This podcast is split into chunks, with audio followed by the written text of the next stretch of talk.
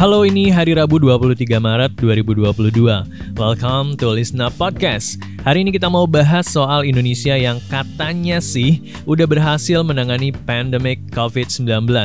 Jatuhnya pesawat China Eastern Airline kemarin dan negara yang paling gak bahagia di dunia. Now, let's catch up. Pertama, soal Indonesia yang berhasil menangani pandemi COVID-19. Bukan kata kita, gengs, tapi kata Pak Jokowi. Bapak Ibu yang saya hormati, memasuki tahun 2022 ini kita memiliki fondasi yang semakin baik. Pertama, kita termasuk negara yang berhasil dalam menangani pandemi.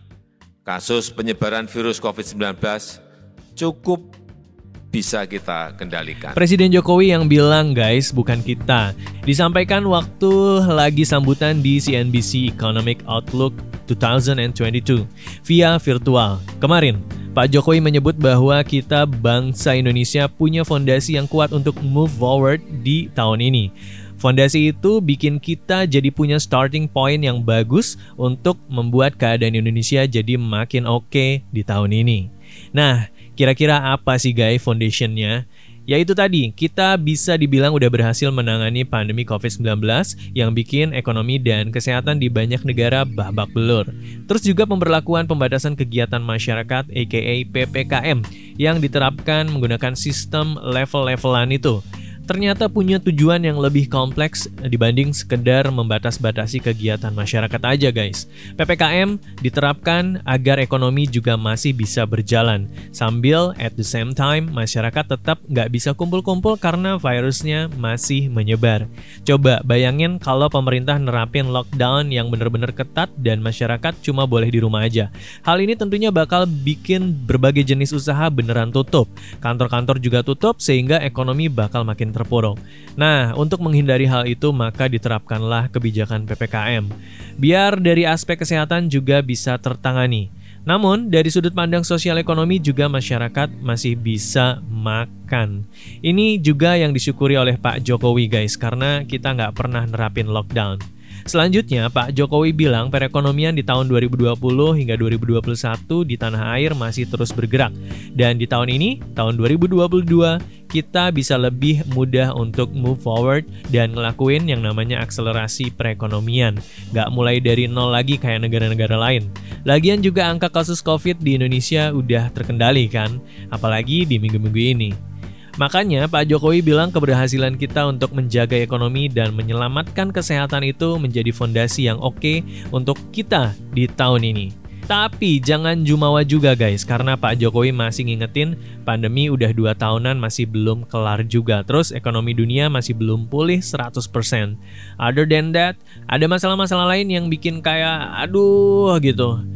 Nih ya, ada kelangkaan energi, kelangkaan pangan, terus inflasi yang makin ke sini makin mengancam perekonomian dunia, hingga konflik yang berkepanjangan. So, in that sense, sebenarnya dunia lagi menghadapi uncertainty yang mengkhawatirkan, di mana kita harus selalu ready. Lebih jauh, Pak Jokowi juga menyampaikan fondasi lain yang masih ada kaitannya dengan ekonomi dan penanganan pandemi, baik secara struktural maupun prakteknya. Kalau secara struktural, ada Undang-Undang Cipta Kerja yang bikin birokrasi investasi jadi lebih sederhana. Terus kalau secara praktek, ada hilirisasi industri besar-besaran yang mana proses ekspor di hold semua. Terus fokus di dalam negeri aja. Ini yang bikin ekonomi jadi makin maju karena lapangan kerja jadi tambah banyak. Oh iya, berhubung Indonesia jadi presidennya G20 tahun ini, Diharapkan momentum ini bisa jadi momentum awal dalam upaya penyelesaian masalah-masalah yang sekarang dunia sedang hadapi. Gubernur Bank Indonesia, Peri Warjio, juga bilang ekonomi global yang tumbuh nggak seimbang dengan pandemi adalah salah satu hal yang harus di out di perhelatan yang super penting itu. Dan semangat ini juga yang jadi fondasi atas tema Recover Together, Recover Stronger. Now, let's talk about China airplane crash. Kabar duka kembali datang dari dunia penerbangan guys, di mana kemarin sebuah maskapai penerbangan asal China, China Eastern Airlines, mengalami kecelakaan. Pesawat ini membawa 132 orang dan jatuh di sebuah gunung yang berlokasi di Guangxi, China Selatan. This vision from Chinese state media, the People's Daily, shows the crash site. Local media reports the Boeing 737 operated by Chinese Eastern Airlines went down in Guangxi province. Menurut keterangan resmi dari China's Civil Aviation Administration, penerbangan pesawat Boeing 737-800 berangkat dari kota Kunming menuju Guangzhou. Ketika pesawatnya mulai hilang kontak saat berada di atas kota Wuzhou, dari 132 orang yang on board, 9 di antaranya adalah crew members, and so far, udah dikonfirmasi bahwa nggak ada warga negara asing di penerbangan tersebut.